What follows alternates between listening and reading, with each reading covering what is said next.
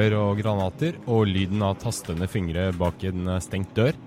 I dag skal vi snakke om et tema som får mange foreldre til å rive seg i håret. Er ikke det riktig, Hedvig Montgomery? Altså, dette er jo den første foreldregenerasjonen som fullt ut blir truffet av muligheten for å spille dataspill og se på skjerm 24-7, og eh, ikke har lært av sine egne foreldre igjen hvordan det skal håndteres. Så det er rett og slett ikke så rart at det er mange som river seg i hodet over det, nei. Og så da er vel spørsmålet hvordan skal man navigere i dette tidvis eh, røffe farvannet?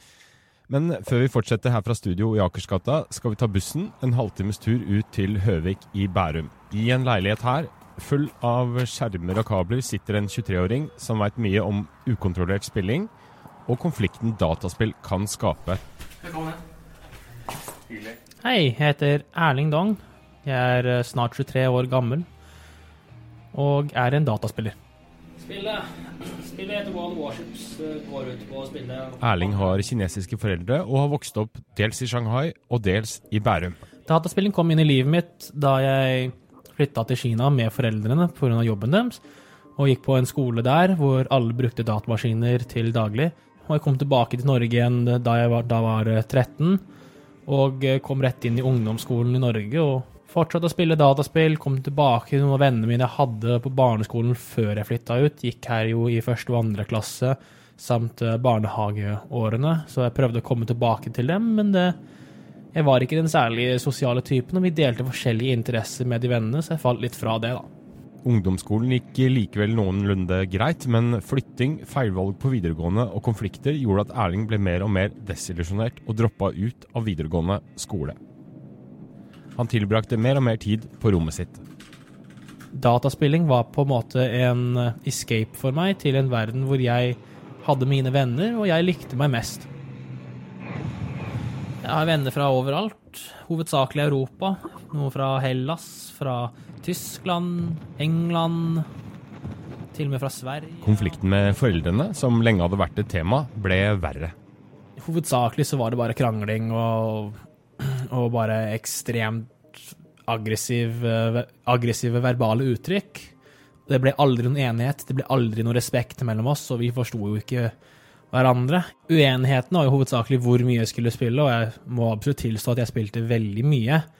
Og for å være helt ærlig, altfor mye når jeg tenker på det bak i tid. Og her er Erling midt i kjernen av det mange foreldre sliter med. Hvor skal man sette grensen for skjermtid og dataspill? Og hvordan når man inn til dem når de isolerer seg på rommet med headset på, og det eneste du ser er et mimikkløst ansikt over middagsbordet? Og grunnleggende sett, hvorfor har dataspill blitt så inn i hampen vanskelig for oss?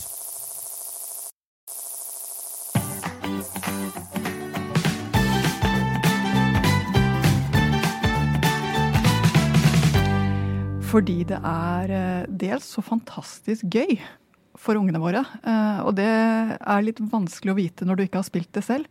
Så det ene er at det er en ganske stor forventningskrasj mellom foreldrenes egen idé om hva barn skal drive med, og hva barna har lyst til å drive med. Og det andre det er at eh, det å skape liv, balanse i barnas liv, det er litt av det foreldreskapet handler om. Og her er det kanskje ikke så lett å skape balanse. Du har sterke motkrefter. Mm. Ja, jeg har eh, forstått det slik at det er en ganske sånn gjentagende problemstilling for en del folk som, foreldre, foreldre, som kommer til, eh, til deg og din, din, virksomhet som eh, familieterapeut. Hva er den vanligste problemstillinga og bekymringa de har? Jeg tror nok når de kommer til meg, så er jo ikke det helt representativt for hva folk river seg ut i håret for der ute. For jeg hører litt andre ting når jeg er ute på foredrag. Når jeg er ute på foredrag, så er det rett og slett problemet med å få barna til å avslutte. Få dem til å komme til middag, få dem til å være med på andre ting. Uh, og det å få gjort det på en pen måte, sånn at det ikke blir bare uvennskap rundt det, er, eh, er, en kunst. Så det er det jeg møter mye ute. På kontoret mitt så kommer foreldre hvor uh, jentene og guttene dine, sin, deres, og kanskje spesielt guttene, eh, kanskje har hatt det dårlig over lang tid, og det eneste stedet hvor de har det bra, er når de spiller, og til slutt så tar spillingen over helt. Eh, både for skole og andre aktiviteter, vennskap, tid med familien. altså Da har vi kommet ut i en ting som ikke handler om å begrense skjermbruk, men som handler om hvordan kan vi få, eh, kontakt med barna våre? Hvordan kan vi få, få denne gutten til å trives med livet sitt? Uh, og da er det lett å se spillet som en fiende, som igjen bare øker konflikten. Så da handler det mye om å, å finne en felles plattform og en felles forståelse, og også andre steder å glitre, men også få lov til å glitre i spillet. Men når blir normal spilling, det som man kan si er innenfor normalområdet, til et, et problem?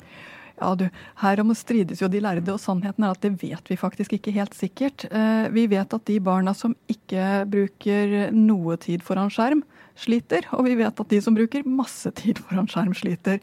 Så det er akkurat som vi ser en slags U-kurve eh, på, på, hva som er en eh, fornuftig tid foran skjermen. Når blir det et problem? Jeg tror det blir et problem når det blir en flukt.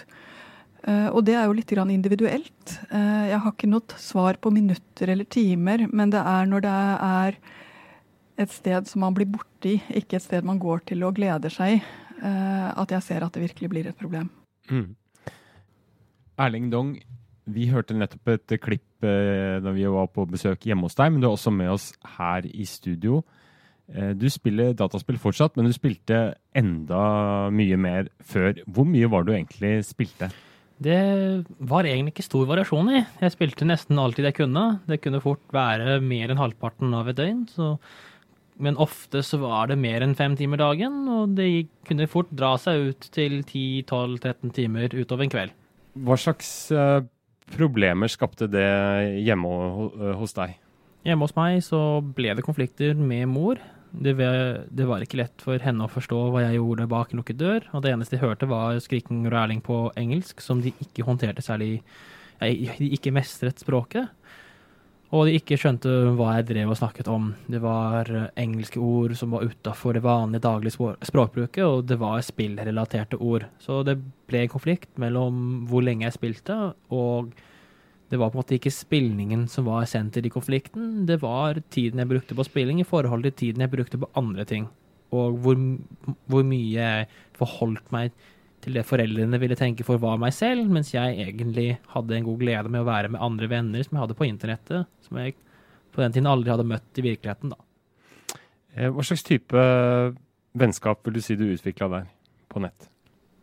Det er en ganske interessant sak med vennskap på nett.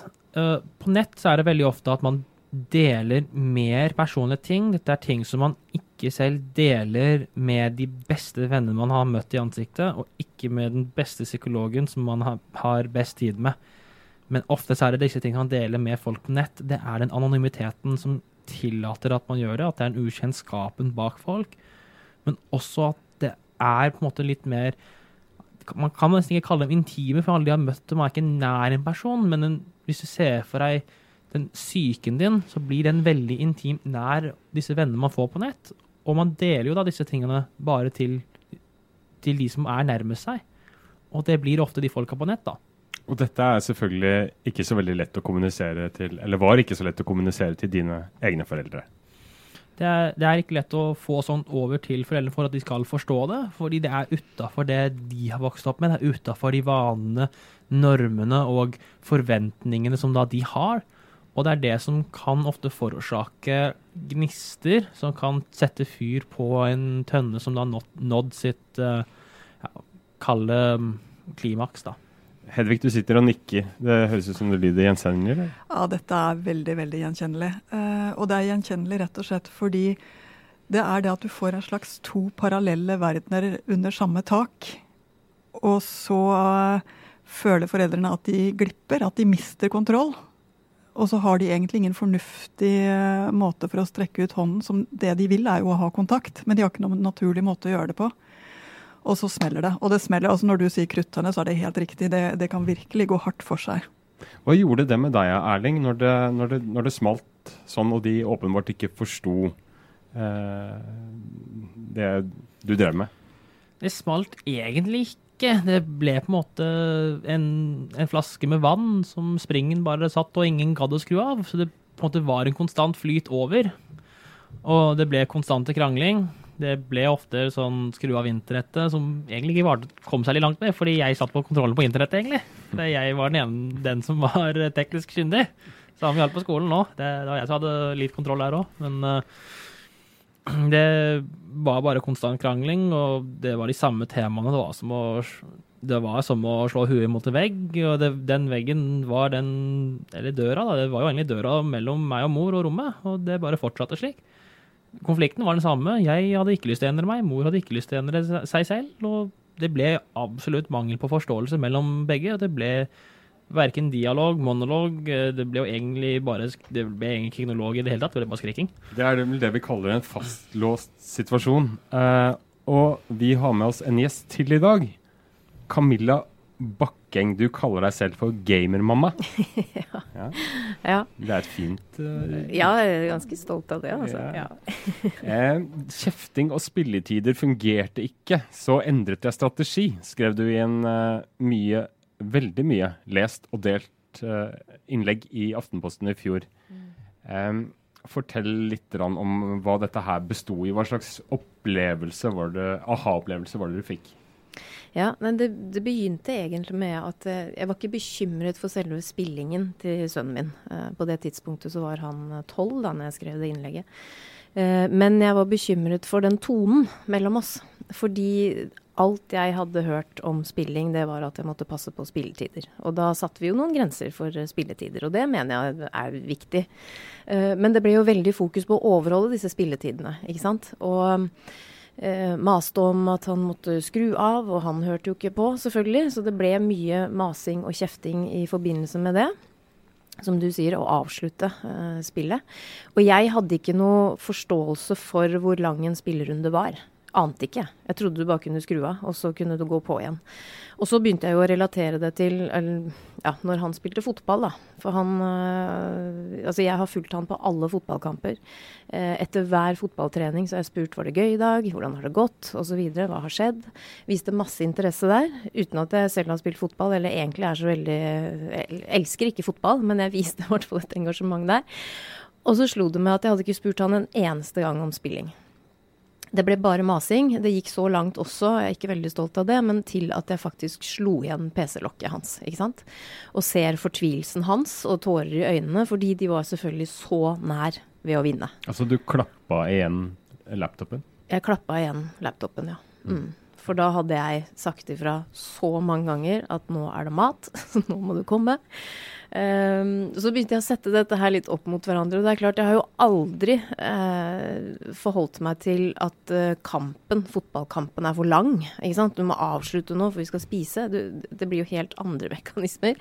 Så jeg begynte å se dette litt sammenheng. Og så samtidig, selvfølgelig, så hørte jeg også, eller lærte litt mer om hvis du ser på de som eventuelt spiller så mye at det går utover noe, da, går utover skole eller lekser eller andre fritidsaktiviteter som trenger litt hjelp, så er det ikke spilletider man snakker om. Og så driver vi foreldre, i hvert fall i min generasjon, bare og maser om disse spilletidene. Så det, jeg måtte bare gjøre et grep, for jeg ville jo ikke ha det sånn. Jeg ville ikke være en mamma som bare maser og, og krangler. Eh, det var ikke noe hyggelig i det hele tatt. Så jeg begynte å sette meg litt inn i spillene selv. Eh, er en, hvor lang tid tar en runde? Ja, hvordan gjorde du det? Nei, det, Jeg begynte å se litt trailere. Eh, for jeg må innrømme at jeg spiller ikke selv. Jeg har ikke gått helt dit, det burde jeg kanskje også gjort. Men jeg har sett en del trailere. Uh, og så prøvde jeg å se litt når han spilte, men det syntes ikke han var så veldig kult. Å ha mamma hengende over skulderen da. Uh, men på det tidspunktet, uh, var det i fjor høst, så var det VM i League of Legends som ble sendt på TV. Så vi satte oss ned hver lørdag morgen, i hvert fall noen, noen, lørdager, og så på dette sammen. Uh, og han uh, fortalte veldig ivrig og engasjert om sine favorittlag. Uh, og da var det lettere for meg også å se faktisk hva de Altså hva var poenget her? Hva var oppdragene? Hva var oppgavene? Hva var det de løste? Uh, og det gjorde jo han til litt sånn den profesjonelle, ikke sant. Så han fortalte meg, og jeg fikk litt mer forståelse. Jeg fikk faktisk litt engasjement òg, må jeg innrømme. Um, og da begynte jeg jo å forstå litt mer av disse oppdragene, ikke sant. Og hvor lang en spillerunde er, osv. Begynte vi å snakke litt om det.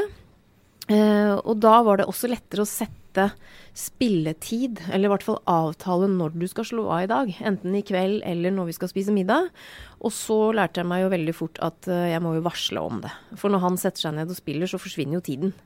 Um, så han sa det selv, egentlig. 'Mamma, kan ikke du si fra da, ti minutter før det er middag, så er det litt lettere for meg'. Og da kom vi i en posisjon hvor han alltid spurte uh, også. Um, 'Når er det mat, eller når skal jeg skru av? Kan jeg ta en runde til?' Så det funka? Det funka. Nesten. Altså, det er jo så enkelt at det er flaut, egentlig, men nesten sånn over natta.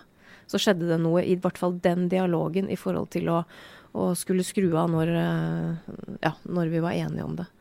Hva har det gjort da, med, med relasjonen da, mellom deg og Nei, det gjorde jo noe med umiddelbart i forhold til at det ikke ble den derre gnisningen og masingen og kjeftingen, eh, som ikke var noe hyggelig for noen av oss. Um, så, så har det også gitt oss et For det tror jeg er litt viktig å huske på at Igjen tilbake til den fotballmetaforen som jeg syns er ganske god. Um, for der er jo vi foreldre på sidelinja. Um, og til og fra trening ofte. ikke sant? Uh, det er foreldre som er trenere. Altså Vi er til stede, så vi får med oss det som skjer der av språkbruk. Eventuell ekskludering hvis de er slemme mot hverandre. Hvis de ikke følger reglene. Alt det får vi med oss og kan korrigeres. da. Men i, på den plattformen eller i den gamingverdenen så er vi ikke til stede. Så vi, vi, fanger ikke opp noe av det. Og det skjer jo ganske mye Det er brutalt språk eh, mange ganger. Eh, hvis du ikke følger opplegget og samarbeider og strategien, men bare plaffer ned og ødelegger, så blir du jo ekskludert der òg. De vil jo ikke ha deg med i laget. Men det klarer vi jo ikke å fange opp, ikke sant.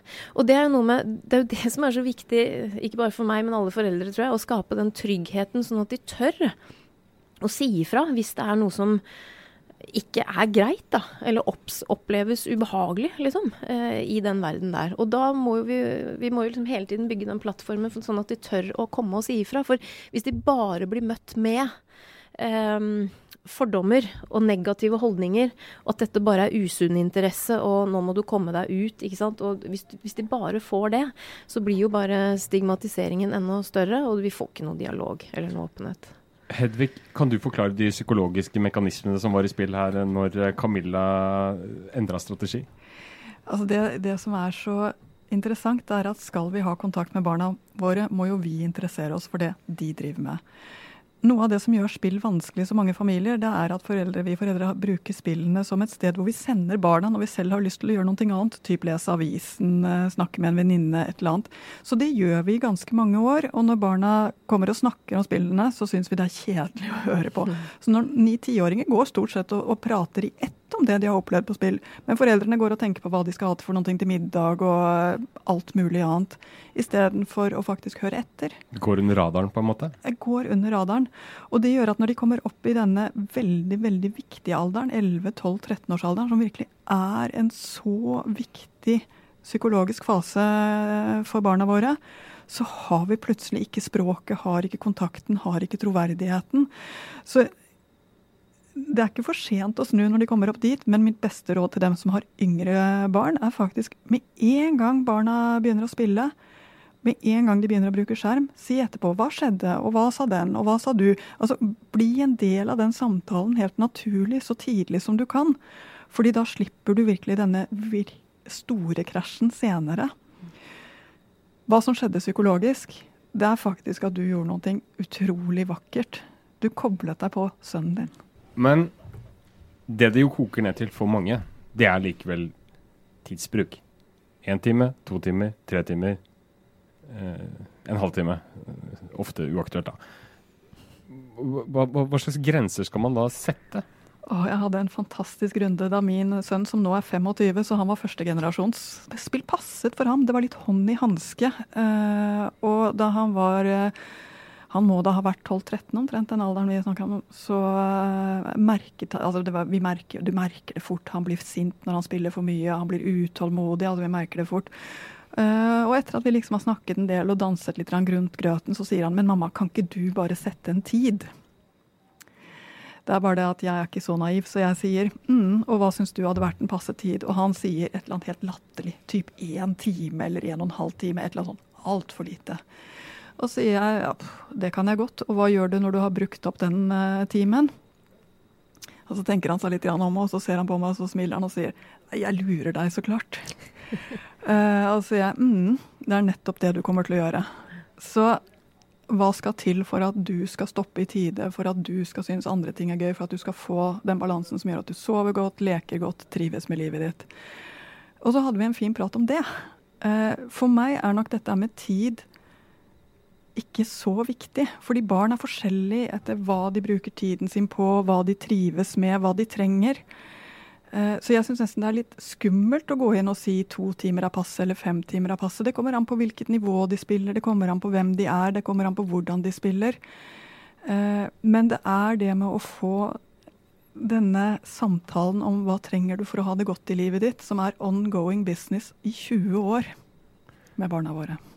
Erling, du har også en, litt tanke om dette her med, med tidsbruk, uh, har jeg forstått. Hvor mye syns du Nå er du noen og tjue, som vi var inne på i stad. Hva vil du si er, er greit for tenåringer å, å, spille? Igjen, det er jo ikke noe fasitsvar på dette. Og i min tid så det er jo ikke noe å anbefale. Det er jo best å se hva de ellers bør ha i prioriteten, og det er det som er viktigst. Hvis de sliter med skolen, så bør skole ta prioriteten. Det er fortsatt en fremtid å snakke om her. Ja, man kan gjøre, leve av å spille dataspill. Det samme er med å, gjøre, å, å leve av fotball. Det er ekstremt få som gjør det, og du må være god i det. Du må ha en god personlighet, du må være en god spiller, og du må legge inn ekstremt mye tid. Mye mer tid enn det er å bli god i skolen og gjøre en god jobb der. Det kan ta vel tre-fire ganger mer. Og en vanlig arbeidsdag for de som jobber profesjonelt med å lage innhold, snakker vi YouTube-videoer, Twitch-streaming og sånt, de kan fort bruke 15 timer dagen bare på det. Selvfølgelig, da er jo det spørsmålet hva er det du burde bruke tiden på? Hvis du er ferdig med lekser, du har fått en solid, trygg mengde med fysisk bevegelse, da er det ikke å bare tvidle tommerne på tastaturet. Uh, hvis du får det, du har et stabilt sosialt liv, du spiller med venner Jeg ser ikke noe problem med å spille seks-syv timer på rad, så lenge du får pause mellom òg. Hvis du sliter, så kan det fort være greit å sette og på en måte finne et punkt, et logisk punkt hvor barna kan avslutte en runde eller en spill, om de får spilt nok, slik at de får moret seg og hatt det som en fritid, og så få fokusere på det de egentlig burde fokusere på. Camilla, hvordan fungerer uh, en sånn um, hverdag hos dere uh, i forhold til spill etter at dette strategiskiftet fant sted? Nei, jeg, jeg, er veldig glad for å høre Hedvig si at det er kanskje ikke akkurat antall timer, eller det er vanskelig å sette disse grensene, altså. Så det har jeg vi gjorde det mye før. Uh, og det, jeg tenker det fortsatt at det er lurt å sette noen grenser når de er veldig veldig små. For det er noe med at det er vanskeligere å hente det inn igjen når de blir større. Så han er jo vant til det. Men, men nå snakker vi ikke om antall timer. Nå er det sånn som du også sier, at det er skole først, lekser først, andre aktiviteter først. Uh, og så kan han spille. Og så ser jeg nå at han regulerer det mer selv. Og det er jo det jeg ønsker. ikke sant? At når han blir sliten, så går han bort. Uh, da, for, han er så veldig opptatt av selv at jeg må være, jeg må være liksom fit for fight. Er han syk, så spiller han jo ikke. Uh, da kan det gå flere dager, for da er, da er, han ikke i stand til det, som han sier. Ikke hvis han er ja, trist eller lei seg, så er også at han ikke spiller. Ikke og det tenker jeg, en type selvregulering som det er mye, mye viktigere. Og når jeg ser at alt det andre går bra, ikke sant? Uh, og vi har en fin dialog rundt det, så er ikke jeg så opptatt av antall timer, altså. Men eh, det, ligger jo, det, ligger jo, litt sånn dypt inni meg, da. Med, I helger så skal vi litt ut og frisk luft og den biten der. Så det er jo Jeg er opptatt av, hvis jeg ser at han ikke tar pauser selv, så må han det, altså. Eh, så, så, det er viktig å holde litt på den. Ja. Men det kan det er dager hvor det kan bli mange mange timer spilling, og får han velge selv, så, så, kan han sitte liksom en hel dag. Men jeg ser at han tar pauser. Det, det er en, en, en, bedre flyt i det, da. Når runden er over, så, så, skjer det noe, liksom. Han går ikke rett inn i en ny en bestandig. Ja. Mm. Hedvig, hva er det den største fella man går i som forelder når man uh, i, mø i møte med dette med skjermbruk uh, og gaming? Det er kombinasjonen av kunnskapsløshet, altså man rett og slett ikke vet nok hva ens eget barn gjør. Uh, fordi det å ha en forståelse for det Og nei, du trenger nok ikke Jeg, jeg syns du er god som sier at du ikke spiller selv. Jeg blir jo faktisk litt kvalm når jeg prøver å spille. For meg. Jeg er åpenbart for gammel. Uh, men det er massevis av måter å skaffe seg kunnskap om spillene på. Så det ene er skaff deg den kunnskapen. For uten den så, så er du nesten dømt. Og hør på barnet. La dem snakke snakke om spillene sine. Hør og hør og hør og hør. Det andre er å tenke at dette handler om grensesetting. Dette handler ikke om grensesetting, dette handler om kontakt. Erling, eh, du eh, har vært en ganske hardcore gamer i din ungdom. Du spiller yep. fortsatt. Men hva gjør du utover det i dag? Utenom det, den dag i dag så er jeg en del av en frivillig organisasjon som driver med dataspilling og på det faglige. Og både, både, i det faglige og i det daglige. da. Vi har et spillhus hvor barn og ungdom kan komme gratis innom og spille under våre åpningstider. Men til siden så driver vi også med å lære foreldre vise foreldrene hva dataspilling er. Og det er en arena for dem å komme og prøve ut dataspill også. Og se barna sine spille i et miljø hvor vi kan nesten være en sånn ja, mediær-type, da, hvor vi er på en måte en megler i midten. Hva er ditt råd til uh, gamerforeldre i alle aldre? I alle aldre. Uh, det er rett og slett bare å ha en solid gjensidig respekt mellom foreldre og barna, og respektere at de, de har en fritid, og de vil gjerne bruke den fritiden på de tingene de vil. Men også viktigst av alt, å få dem til å respektere deres autoritet. Det er ditt hjem, dine penger, og det er du som er foreldrene deres. De må respektere den, men ikke nødvendigvis være på en måte den autoritære typen, fordi da blir det veldig fort uh, konflikt. Åpne kanaler er vel litt sånn stikkord, er det ikke det, Camilla? Jo. Det, du snakker med Ja, det tenker jeg. Uh, å få en åpenhet og trygg, uh, trygg dialog, rett og slett. Um, så ja, det er vel mitt uh, beste tips, egentlig. Å, engasjere seg litt. Altså sett deg inn i spillet de spiller. Uh, lær deg å finne ut hva en spillerunde er. Uh, også skytespill er ikke skytespill. Altså det er mange, mange varianter her. Um, og hvis du spør gameren selv, så er det jo ikke nødvendigvis skytingen som er det morsomste i spillet. Det er oppdraget de utfører sammen, og oppgavene de skal løse. Um, så tenker jeg også det å vise interesse. Vi trenger jo ikke elske alt som barna våre gjør, men vi kan engasjere oss og vise interesse for det. Uh, bare så enkelt ved å spørre hvordan runden har gått, uh, og hvordan de har hatt det i runden, og hvem man har spilt sammen med osv. Hva er morsomst å se på? Fotball eller gaming? um, Nei, det er kanskje fotball fortsatt, men helt feil svar. Hedvig, siste råd fra, fra, fra, psykologen her. Hva gjør man eh, hvis man opplever at situasjonen er fastlåst? Hvis situasjonen er fastlåst, så er det følelsene det handler om. Eh, og da er det både dine følelser og barnets følelser. Bekymra foreldre lykkes aldri med å få kontakt med barnet sitt. Så du må på et eller annet vis få håndtert din egen bekymring før du prøver å hjelpe barnet. Så har det gått eh, låst seg fast, løs din egen bekymring. Snakk med noen, snakk med noen, en venninne eller fagfolk eller hva det nå måtte være for noe. Men du må ned i bekymring og stress, og så kan du snakke med barnet ditt. Og da skal du også vite én ting til. Gutter og følelser. Dette er en gullarena for å få vite noen ting om guttene våre, hvordan de faktisk har det, og hva de faktisk liker. Så lykke til. Det var noen fine, veldig oppbyggende ord på slutten. Det var det vi hadde å by på for i dag. Har du spørsmål eller reaksjoner eller hva som helst annet på hjertet, meld deg inn i Facebook-gruppa vår, eh, og post de der om du ønsker. Eh, eller du kan sende en mail til foreldrekoden at aftenposten.no. Vi håper du fikk med deg noen råd du kan bruke hjemme hos deg selv, eh, også i dag. Og vi håper selvsagt at vi høres igjen neste uke. Ha det bra!